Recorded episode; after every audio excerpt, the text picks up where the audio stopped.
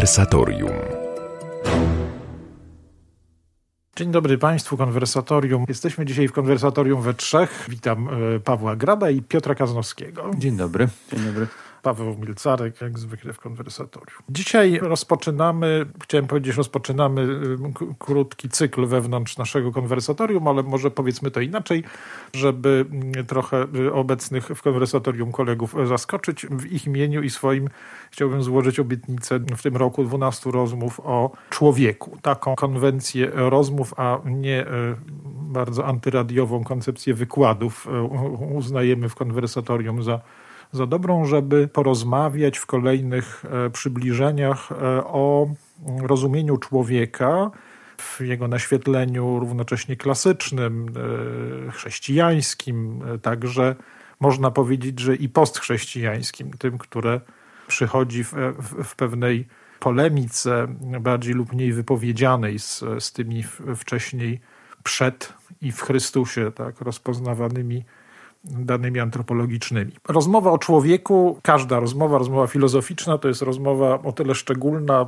zaczniemy od tej oczywistości, że dotyczy przedmiotu, który daje łudzącą obietnicę, że jest nam znany od wewnątrz. Tak? To znaczy nie tylko obserwujemy go jako przedmiot naszego poznania, ale w jakimś sensie jest również przedmiotem naszych rozważań jakby od drugiej strony, od wewnątrz. Każdy z nas próbuje e, swoje życie, swój byt, swoje człowieczeństwo od wewnątrz rozpoznawać, czy bardzo jakoś ogólnie, czy trochę precyzując. Powiedziałem, że to jest łudząca obietnica, bo, bo mimo wszystko zawsze tak czy siak próbujemy, czy musimy siebie rozpoznać jako przedmiot.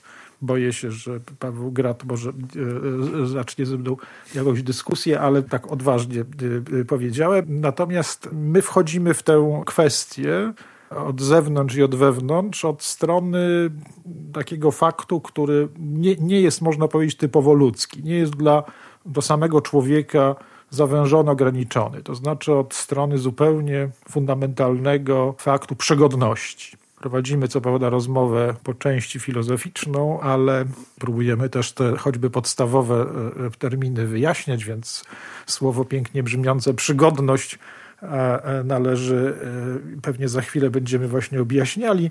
E, trzeba tylko je wyzwolić od prostego skojarzenia, że chodzi o, o, o, o, zwykłe zdarzanie się, tak? czy jakieś rzeczywiście przygodowe, takie pojawianie się z zaskoczenia, prawda? jakąś atmosferę literackiego suspensu, niepewności losu i tak dalej. Słowo kontyngенcja, przygodność wprowadza nas w problem, może od tej strony do niego podejdźmy, problem tego, dlaczego właściwie jestem, dlaczego właściwie e, jestem, chociaż nie musiałem być. To jest szeroka brama rozważań. Powiedziałem, że nie jest zawężona do człowieka i dlatego zanim zaczniemy rozmawiać, ponieważ są tutaj nasi w różnych tekstach przewodnicy, w każdej naszej rozmowie jacyś się będą zjawiali. Dzisiaj zjawia się święty Augustyn z wyznaniami i z taką w księdze 11 wyznań refleksją, którą Przypomnę, widzę niebo i ziemię. One same wołają, że zostały stworzone. Zmieniają się bowiem i przekształcają. Jeżeli zaś coś istnieje, co nie zostało stworzone, nie ma w tym nic, czego by przedtem w tym nie było. A zmienianie się i przekształcanie właśnie to oznacza, że pojawia się coś, czego przedtem nie było. Niebo i ziemia wołają także, iż nie stworzyły same siebie. Istniejemy dlatego, że zostałyśmy stworzone. Abyśmy mogły wyłonić się z samych siebie, musiałybyśmy istnieć, nim zaczęłyśmy istnieć. Samo więc ich oczywiste istnienie jest dowodem tego, że zostały stworzone. To Ty, Panie, je stworzyłeś, Ty, który jesteś piękny, bo one też są piękne. Ty, który jesteś dobry, bo one też są dobre. Ty, który jesteś, bo one też są. Lecz nie są tak piękne, nie są tak dobre, ani nie w takiej mierze są, jak Ty, ich Stwórca. W porównaniu z Tobą w ogóle nie mają ani piękności, ani dobra, ani bytu, to wiemy i dziękujemy Ci za wiedzę, lecz nasza wiedza w porównaniu z Twoją wiedzą jest niewiedzą. Wchodzimy w naszą rozmowę od środka, od antropologii chrześcijańskiej, której tutaj jest dzieckiem Augustyn, na razie tylko jakby jako obserwator kosmosu, obserwator świata stworzeń, ale istnieje refleksja nad przygodnością człowieka. Więc może tylko, żeby to słowo przybliżyć, może najprościej byłoby powiedzieć, że przygodne jest przeciwieństwem koniecznego prawda? Czyli jeżeli coś y, jest, coś się zmienia, to znaczy, że mogłoby być inaczej i w takim razie nie, istnienie tego nie jest konieczne. I tutaj oczywiście, jak zaczynamy od Augustyna, to rzeczywiście też od środka zaczynamy w tym sensie, że już jest Augustyn poprzedzony przez milenium praktycznie rozważań filozoficznych i dlatego on z taką łatwością może o tym pisać, bo to jest przygodność może nie nazwana jako tym pojęciem, ale, ale ten problem, który za nią stoi, jest leitmotywem filozofii, jest, jest chyba w ogóle pierwszym problemem w ogóle filozoficznym, który się pojawia. I rzeczywiście nie pojawia się on jako problem antropologiczny, tylko jako problem kosmiczny. To jest pierwsze doświadczenie filozoficzne, przynajmniej tak jak my je sobie rekonstruujemy na podstawie fragmentów e, presokratejskich. Bo tam, jak czytamy Talesa i jego następców, no to okazuje się, że podstawowe zadziwienie, które y, się pojawia wraz z, filozofią, to jest zadziwienie tego, że jest wiele różnych rzeczy i one są w ruchu, i one się zmieniają. I teraz yy, dla Greków sam fakt obserwowania tej zmiany i tej wielości domagał się e, wyjaśnienia, no bo skoro rzeczy powstają i giną, to znaczy właśnie są przygodne, są niekonieczne, mogłoby ich nie być, to znaczy, że musi istnieć coś, co jest jakoś niezmienne, jest jakimś stałym elementem w świecie. Dlaczego? I tutaj jest bardzo ważne dopowiedzenie, które może nam ten dramat e, przygodności trochę też przybliżyć, e, bo chrześcijaństwo inaczej ustawia perspektywę, właśnie poprzez stwarzanie. Natomiast e, pamiętajmy, że idea stwarzania się pojawia dopiero właśnie z kulturą biblijną, z objawieniem chrześcijańskim, judeo-chrześcijańskim, jeśli można tak powiedzieć. Natomiast dla Greka jest oczywiste, że jeżeli świat istnieje, to musiał istnieć zawsze. Dlaczego? No bo z niebytu nie może się wyłonić byt. A skoro istnieje świat, który istniał zawsze i on jest zmienny, to musi gdzieś być taki, jak to powiedzieć, archimedesowy punkt podparcia, do którego można sprowadzić. To, to, to, to co oni nazywali arche, ten początek zasada. I później każdy z, z, kolejnych filozofów próbuje dać odpowiedź na, rozwikłać tę zagadkę, jak to jest, że dlaczego właśnie jest wiele rzeczy, dlaczego, co powoduje, że one się od siebie różnią, dlaczego się zmieniają, co je wprawia w ruch. I co jest ciekawe, e, to może otworzę tylko następny jakby tutaj e, właśnie temat, to co mnie, gdy, gdy, gdy się nad tym zacząłem zastanawiać, e, uderzyło i w sumie zawsze mi to uderzało w kontakcie z presokratykami, to właśnie to, że dla nich wcale nie jest problemem, czy nie jest tematem przygodność człowieka. Dla nich jest problemem w ogóle przygodność świata, czy tego, który, który obserwujemy, natomiast e, absolutnie nie jest dla nich nie wychodzi w ogóle na, na, na, na pierwszy plan, a praktycznie nawet na żaden plan nie wychodzi problem przygodności egzystencjalnej konkretnego człowieka. Jak Arystoteles pisze swoją zachętę do filozofii, chce mówić o celu człowieka, po co człowiek istnieje i mm, odwołuje się do autorytetu filozoficznego Pitagorasa i Anaxagorasa. Pitagoras mówi, że jedyny sens istnienia to jest oglądać, e, oglądać e, niebo i gwiazdy, bo to, bo to jest ta taka przestrzeń, która najmniej uchodziła za tą nie, nie, najmniej zmienną, znaczy, która się poruszała tym, gwiazdy, które się poruszają ruchem jednostajnym, więc jest w nim coś wiecznego, Wieczność. takiego, tak, tak.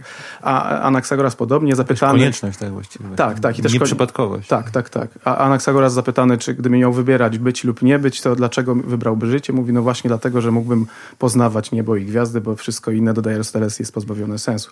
Więc na przykład, gdy przychodził taki filozof jak Parmenides, który mówił, że tak naprawdę to istnieje tylko jeden byt, wieczny, niezmienny i tak dalej, to wszystko inne jest jakimś, jakąś tam formą schizofrenicznego złudzenia, w którym tkwimy i to, co w ogóle podważa naszą, naszą jednostkowość, to nie jest, nie jest to specjalnie jakby skandalem dla, e, czy, czy później kolejni filozofowie, którzy próbują rozwiązać problem Parmenidesa, mówią, że ostatecznie to istnieją jakieś atomy, czy istnieją jakieś pierwiastki, e, elementy i wszystko, co powstaje i ginie, to jest tylko takie nasze złudzenie, a ostatecznie to istnieją tylko te, te pierwiastki czy atomy, to też nie jest dla nich jakiś specjalnie skandal, tak? Że dla nich samo odkrycie tego, że jest jakaś niezmienna struktura w świecie, przynajmniej dla tych filozofów greckich, jest już na tyle wartościowe same w sobie, że indywidualność ludzka tutaj e, ginie. Więc ciekawe jest, jest to, że dopiero dramat e, przygodności, jeżeli, jeżeli to nas interesuje, bo, bo wydaje mi się, że dla współczesnego człowieka to jest coś bardziej bliskiego. Przygodność jako dramat, jako przestrzeń e, tragedii, prawda, jakichś naszych wyborów, to na początku jest e, wcale nieoczywiste. Ja bym powiedział, że ten problem przygodności pojawia się nie tylko w,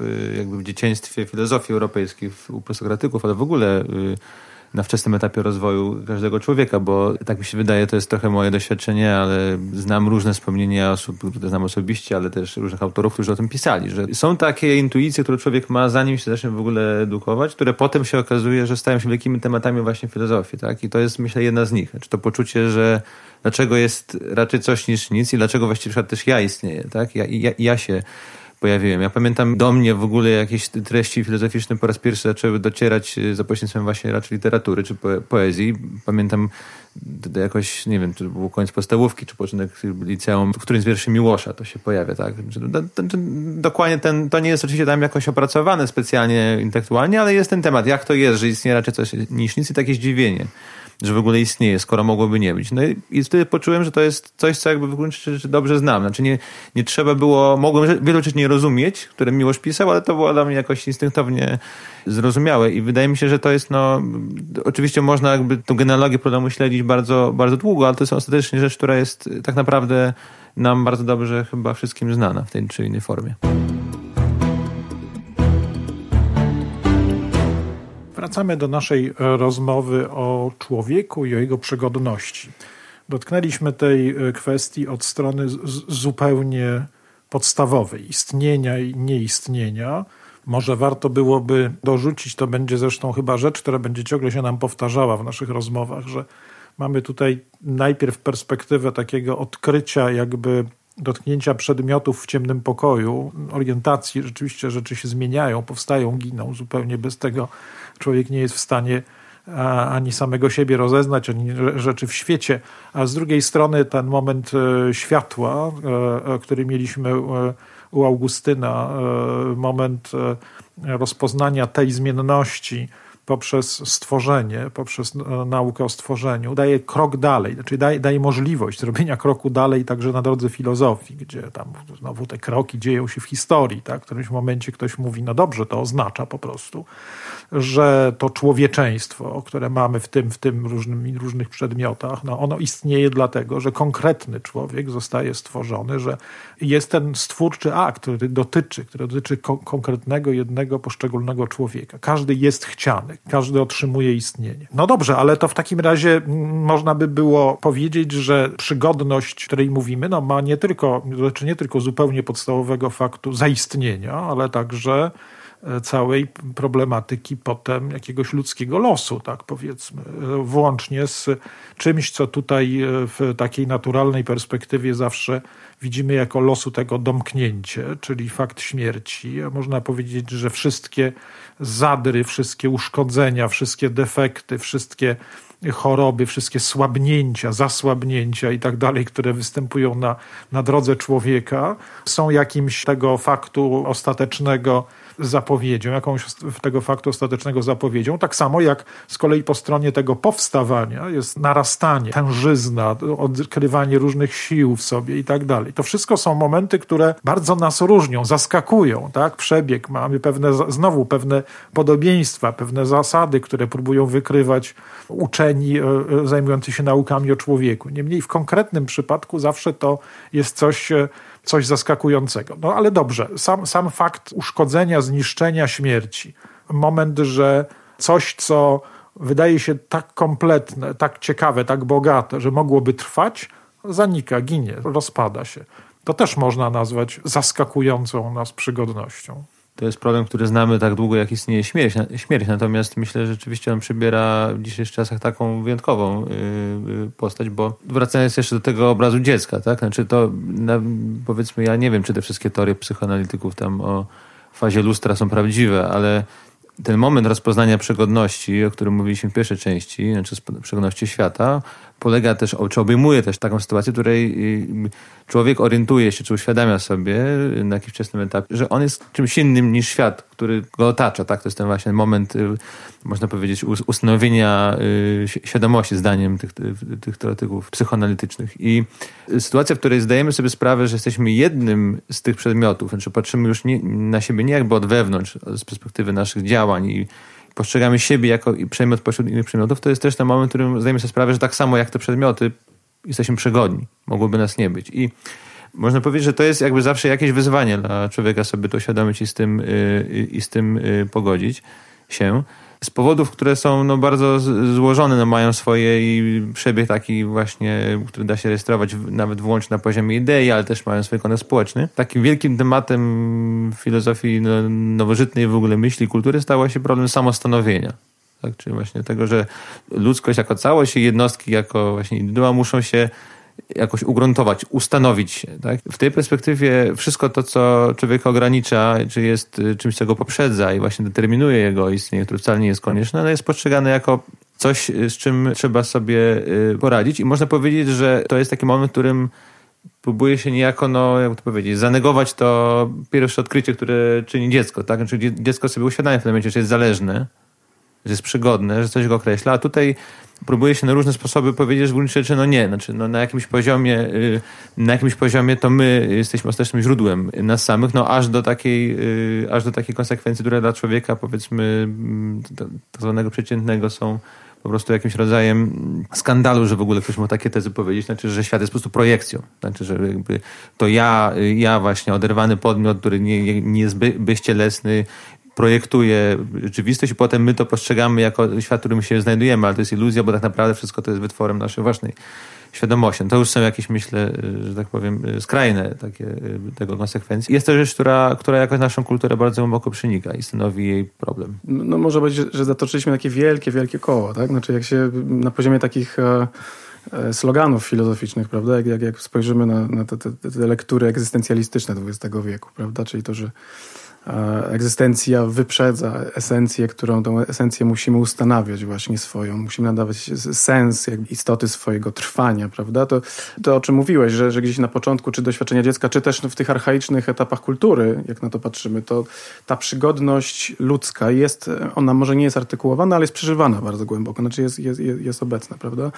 E, czyli to jest często przygodność może nie indywiduum wobec gatunku, prawda? Bo nie ma w ogóle takiego namysłu na tym poziomie, ale jest na przykład przygodność jednostki wobec klanu, wobec rodziny, wobec jakiegoś etnosu, prawda? I dlatego te epoki archaiczne, one są zazwyczaj też heroiczne, w tym sensie, że cały dramat jednostki rozgrywa się, jakby śmierć wyznacza ten, e, e, jest tym momentem decydującym i teraz dramat się rozgrywa o to, czy jednostka będzie zapamiętana jako wielka i będzie czczona i tak dalej, czy przeżyje to życie tak w taki sposób, czyli jakby sens nadaje nam trwanie w, w zbiorowej pamięci. Tak? Znaczy to jest, to, jest, to jest dramata Hillesa na przykład. Tak? No, Hilles, który ma, jest powiedziany, jest przepowiedziany. On może spędzić szczęśliwe życie we wtyi, mając rodzinę, dzieci i tak dalej, ale może zostać, osiągnąć wieczną sławę, ale żyć wtedy krótko. Tak? I jakby on musi wybrać, no i ostatecznie wiadomo, gdzie jego, po której stronie jest jego serce, bo on chce zdobyć tę nieśmiertelną sławę. I to jest ciekawe, tutaj na pierwszy plan wychodzi sam ten moment decyzji takiego właśnie też ustanowienia siebie, ale ustanowienia siebie w tej pamięci. Natomiast e, e, dopiero potem e, wraca ten, jakby filozofia wprowadza trochę inną, ta, ta, świadomość filozoficzna wprowadza inną refleksję, bo to jest to, co zauważa też Cyceron, gdy mówi tak w skrócie o historii filozofii. Mówi właśnie, mędrcami kiedyś nazywano herosów, takich wielkich, tych, którzy dokonali wielkich czynów. A później przyszli filozofowie i oni zostali nazwani mądrymi, dlatego, że oni po prostu oglądali świat i widzieli takim, jakim jest. Ten etos filozoficzny, który powoduje, że potem śmierć staje się problemem, ale właśnie już nie, nie jako konieczność heroizmu, takiego ustanawiania, żeby trwać w pamięci, tylko po to, żeby właśnie stać się, osiągnąć taką e, niezależność od losu, tak? że na, na różne sposoby, e, żeby być całkowicie wyzwolonym od tej konieczności zewnętrznej i to będzie na różne sposoby prawda, e, funkcjonowało. Czy to jest epikurejska metoda jakiejś terapii poprzez filozofię, że ostatecznie to się nie musisz niczego lękać, bo póki istniejesz nie ma śmierci, jak jest śmierć, to ciebie nie ma. Czy to będzie stoicka koncepcja wiecznego powrotu, prawda, że ostatecznie to wszystko się na nowo powtórzy i jesteśmy w jakimś kołowrocie. I to jest ciekawe o tyle, znaczy to, to ten, ten problem, który ty wprowadzisz, czyli ten, ten, ten moment, w którym my jesteśmy teraz, wszelka określoność jawi nam się jako opresja, jako zniewolenie, ale moim zdaniem paradoksalnie to powoduje, że problem przygodności schodzi na drugi plan. On przestaje być dla nas motorem czy motywem, tak jak dla, dla i późniejszych filozofów, do tego, żeby odkrywać niezmienny porządek świata i się fascynować tym, że, że, że jest jakaś racjonalność, tylko raczej uciekamy od tego. Ciągle gdzieś y, to w języku polskim akurat łatwo w samym słowie wychwycić, ale dokonuje się ciągle to przejście y, w naszym myśleniu między, między przygodnością a przypadkowością i los, który nie jest tylko przygodny, ale w jakimś sensie jest przypadkowy, bo tutaj też przeszliśmy mhm. pewne fazy, prawda? Od tej, w której, w której się rozważa, że człowiek rozwija się, powstaje, znaczy powstaje, rozwija się, ginie, ma szansę jakiegoś utrwalenia swojego losu takiego czy właśnie w pamięci, co jest raczej takim momentem heroizacji, tak? Jest pytanie, czy, czy heros istnieje dalej potem w rytuałach, czy gdzieś poza nimi, czy w jakiejś wersji pozostaje po prostu w pamięci na, na najbliższych. W przypadku e, takiej eschatologii chrześcijańskiej będziemy już po prostu mieli e, bardzo konkretne ścieżki wyjścia poza poza te zmienności, tak, i jakimś niezwykłym rozpoznaniu i, i, i zresztą tajemniczym, tak, jakby zachowania życia, tak, otrzymania życia równocześnie, czyli ciągłej możliwości działania, tak, a równocześnie jednak utrwalenia w, w, w niezmiennym w, w, dobru, tak, już nie, nie, nie, nieutracalne, jeśli mówimy o zbawionych, tak, bo oczywiście inne losy też są tutaj otwarte. To są jakieś e, ścieżki przygodności, ścieżki przypadkowości, no to jest po prostu sprowadzenie tego, że mogło nas nie być, tak, do stwierdzenia, że mogło mogło nas nie być, to wszystko w naszym życiu. Z jednej strony jest jakoś tam, mówiąc bardzo kolokwialnie, wyrwane, tak? Czy udaje się nam, nam przez nasze starania, wysiłki, jakąś, na przykład jaką, jakąś intensywność życia, tak? Wy, wyrwać losowo, tak?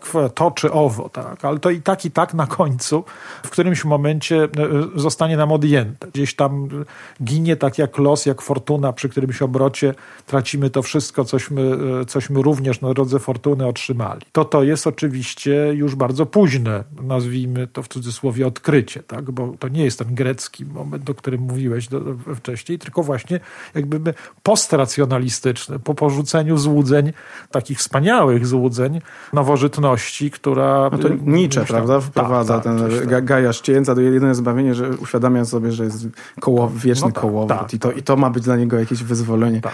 U tak przenikliwego myśliciela nagle okazuje się, że to jest ten ratunek, który znajduje intelektualny. No. Co z kolei dla wielu ludzi zachodu, wielu Europejczyków jest do poszukiwań na wschodzie, tak? I próby jakiegoś widzenia z kolei e, tych wszystkich możliwości metem psychozy, jakichś różnych wędrówek ludzkiego losu po różnych ścieżkach kosmicznych. To jest wiek XX, tak? Z różnymi e, swoją drogą i próbami ucie, ucieczki od tego absurdu, który, który, w których który, jako absurd rozpoznawane wielkie katastrofy, totalitaryzmy, wojny i tak dalej. No właśnie, bo jak mówimy y, y, przygodność, przypadkowość, to trzecie słowo to byłoby absurd, tak? To jest mhm. moim zdaniem właśnie ta różnica, bo wydaje mi się, że nawet w tych społecznościach heroicznych, tak, czy w momencie przejścia między nimi a tą kulturą późniejszego antyku, ludzie, tak sądzę, czy pewnie dałoby się znaleźć takie świadectwa, byli w stanie przyjąć swoje życie jako sensowne i celowe, nawet jeśli wiedzieli, że jest jakoś tam przygodne w perspektywie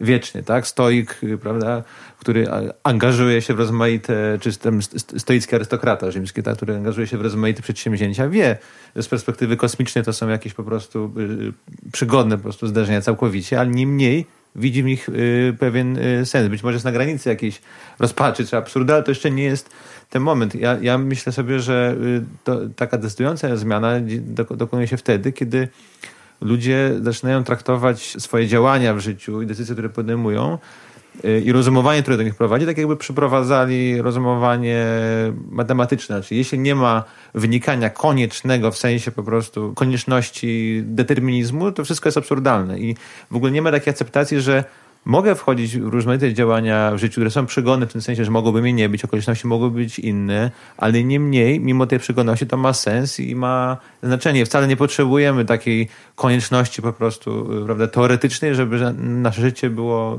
yy, uzasadnione. Taki opis świata przestał być oczywisty, prawda? Jak, jak Paweł mówił przed chwilą, no to jakbym słyszał jakby cytaty z Huma na przykład, prawda? Czy jest różne, to dokładnie jest to.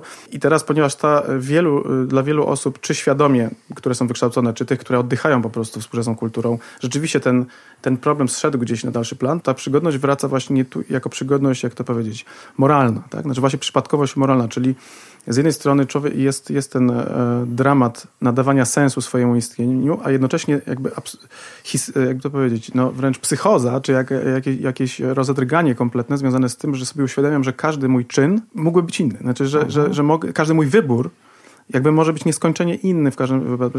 I to jest już obrabiane przez, przez naszą kulturę na wielu poziomach. Mam przypadek Kieślowskiego, prawda? Mamy te, te leitmotiv wielu filmów i on wie, wielu wraca ten taki efekt motyla, prawda? Tak. Czyli pokazanie, że ten jeden najmniejszy jakiś ruch może spowodować tornado po, po drugiej stronie e, e, ziemi, e, czy to będzie moralne, czy inne, prawda?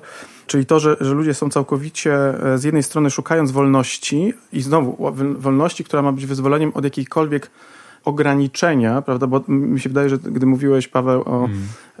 o antyku, no to właśnie tam o to chodziło, że jednak e, dla nich to odkrycie, że świat jest racjonalny, czyli mm. że mhm. jest rozum. Tak? Znaczy, już było jakąś odpowiedzią, znaczy to nadawało sens, tak? I teraz w momencie, gdy my wątpimy w to, to teraz się nagle okazuje, że wyzwolenie od jakiegokolwiek ograniczenia, no jedyne co zostaje, to jest absurd. Znowu trzeba by było to y, oświetlić tymi płynącymi z klasyki chrześcijańskiej, y, biblijnej, tak, całymi rozpoznaniami, y, bo ten temat gdzieś się mieści w w, świetle wtedy prawdy opatrzności Bożej, bardzo bezpośredniej, działającej konkretnie, powszechnej, bezpośredniej, z drugiej strony no, cały problem wolnej woli. Ale to jest zagadnienie, do którego na pewno w naszych rozmowach w którymś momencie dojdziemy.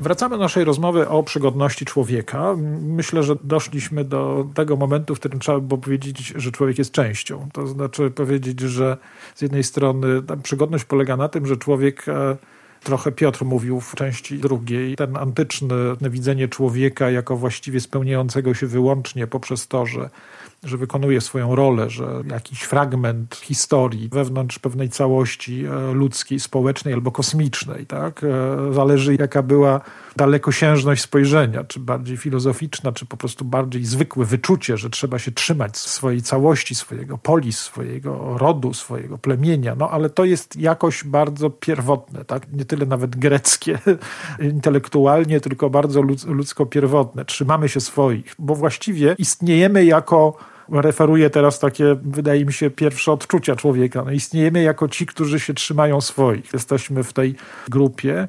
No ale potem w rozpoznaniu rozwijającym się filozoficznym ten moment nie ginie zupełnie. Pozostaje jako również takie rozpoznanie, że człowiek chociaż tak bardzo w różnych momentach wyrasta poza tę swoją ludzką wspólnotę, to równocześnie tak strasznie od niej zależy. I to jest ten moment również przygodności, że człowiek w sobie na przykład nie znajduje wszystkich wszystkich możliwości, wszystkich doskonałości, wszystkich szans, które y, znajdują się w człowieczeństwie. Paradoks, że właściwie powszechnikowo to człowieczeństwo jakoś powtarza się, u, sytuuje się w każdej jednostce, ale nie osiąga tej, nie może osiągnąć tej pełni, co jest zresztą, pamiętamy na przykład święty Tomasz tak e, i zresztą w ogóle cała klasyka chrześcijańska rozważa to jako, jako fundament życia społecznego, że człowiek zdaje sobie sprawę bardzo szybko, że nie jest w stanie e, wykonać wszystkich możliwych, tak, a potrzebnych mu w życiu E, czynności, nie może zadbać o wszystko, co jest mu w życiu potrzebne. I w związku z tym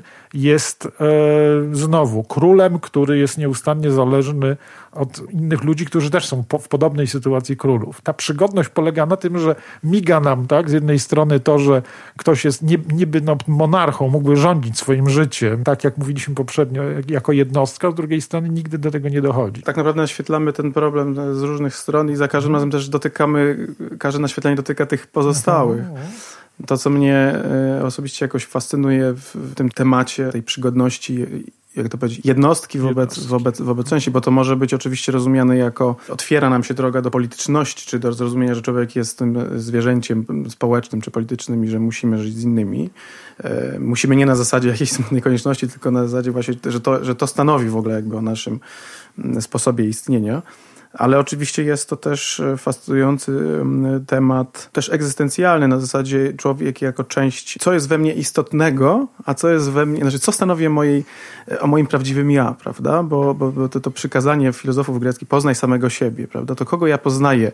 Czy ja poznając samego siebie mam poznawać siebie jako człowieka? Czy ja mam poznawać siebie jako tę konkretną jednostkę, która jest różna od innych ludzi? Prawda? I co jest naprawdę istotne, albo co, jest naprawdę ważne w moim istnieniu, odrębnym od innych. I moim zdaniem tak naprawdę znowu dotykamy wielkich problemów metafizycznych, które się bardzo długo klarowały i jakbyśmy zaczęli je teraz tłumaczyć, to byśmy nową audycję nagrali.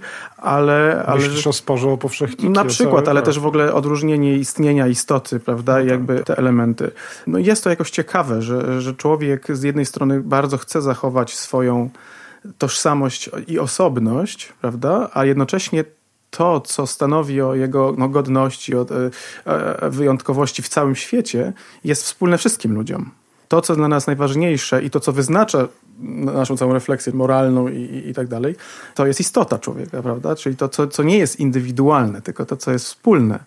Jest tu jakieś ciekawe napięcie, e, które moim zdaniem dzisiaj jest właśnie jakoś wychodzi, że my nie, trochę nie umiemy sobie z tym, z tym poradzić. W sensie, gdzie jest to, co wspólne, co jest ponad jednostkowe, a na ile ta jednostkowość nas e, właśnie, bo, bo, wydaje mi się, że my trochę wpadamy w coś takiego, że nas takie romantyczne trochę myślenie. To, co jest istotne, to jest jednostkowe, prawda? No, Czyli to, co wspólne, to, co wspólne jest właśnie nie, jest nudne, nieciekawe, jest, jest właśnie, każdy musi znaleźć coś takiego swojego, prawda? Musi się, no to już trochę mówiliśmy, to ja trochę wracam do tego tematu, który był ustanawiania siebie. A równocześnie to, co jest takie niezwykłe, bo jest oryginalne, można powiedzieć, że aha, i tu też wszyscy się tym fascynują, jest takie tajemnicze, że nieprzekazywalne. Właściwie, że to tak naprawdę ostatecznie co jest najciekawsze, y, równocześnie bardzo trudno oddać, y, ponieważ y, natychmiast się schematyzuje w kategoriach jakichś, jakichś nudnych i tak dalej. Ostatecznie koniec tego to jest raczej komunikowanie się przez performance, tak? próba jakiegoś pokazania siebie raczej niż opowiedzenia o sobie. Wracając do początku rozmowy, jest dokładnie wiersz Miłosza o tym esse. Tak? Poeta jest zachwycony tym, że wszystkie rzeczy są osobne, jednocześnie, że gdyby miał wyrazić tą jednostkowość, to nie jest w stanie tego zrobić. No, ja, znaczy ja myślę, że też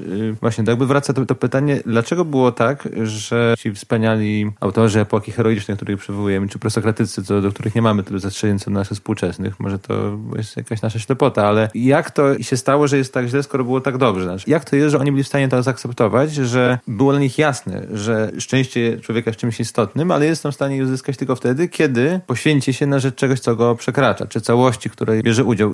Dlaczego jest tak, że dzisiaj wypowiadając tego typu y, zdania, tak, że jeśli chcesz on, one szczęście, nie możesz go szukać po prostu dla niego samego, tylko musisz realizować pewne obiektywne dobro, które cię przekraczy, które dopiero ci da to, to szczęście.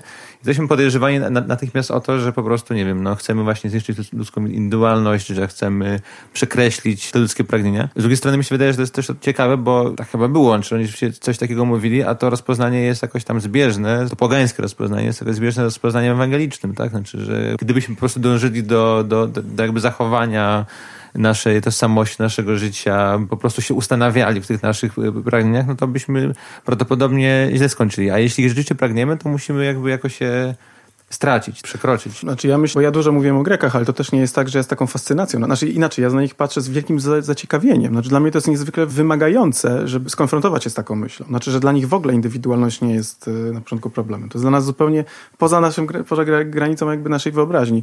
Natomiast wydaje mi się, że to też jest jakaś niedojrzałość jeszcze taka filozoficzna, takie patrzenie. Że dopiero to odkrycie, że rzeczywiście e, istnienie człowieka, jedno, jednostkowe istnienie jest jakimś tam, jest dramatem, prawda, jest wyzwaniem.